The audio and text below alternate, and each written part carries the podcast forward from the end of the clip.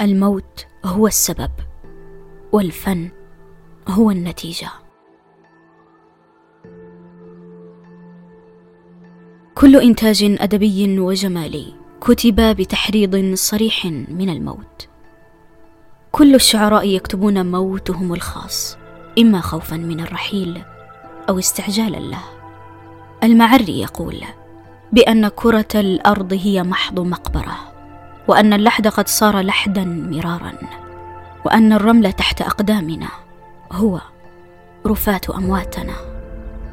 المعري يتحدى سر إن استطعت على الهواء رويدا لا اغتيالا على رفاه العباد.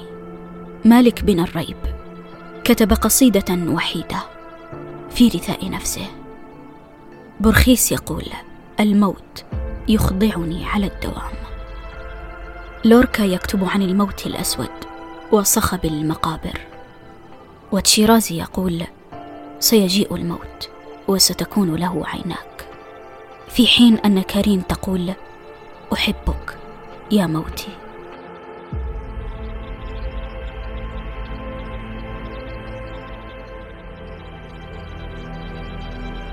الموت هو الصديق الأول لكل مشروع معرفي. أول نص فلسفي عرفه الإنسان.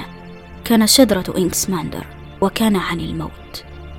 كل إنتاج معرفي أو جمالي أو فني أو أدبي أو ثقافي هو ابن شرعي معلن للمخصب الأول لمخيلة البشرية لغريزة الموت كما يسميها فرويد.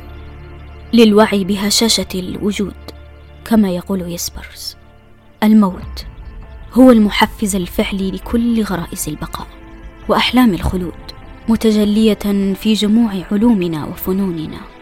وكل ما حققته البشرية منذ بداية وعيها بوجودها وإدراكها له.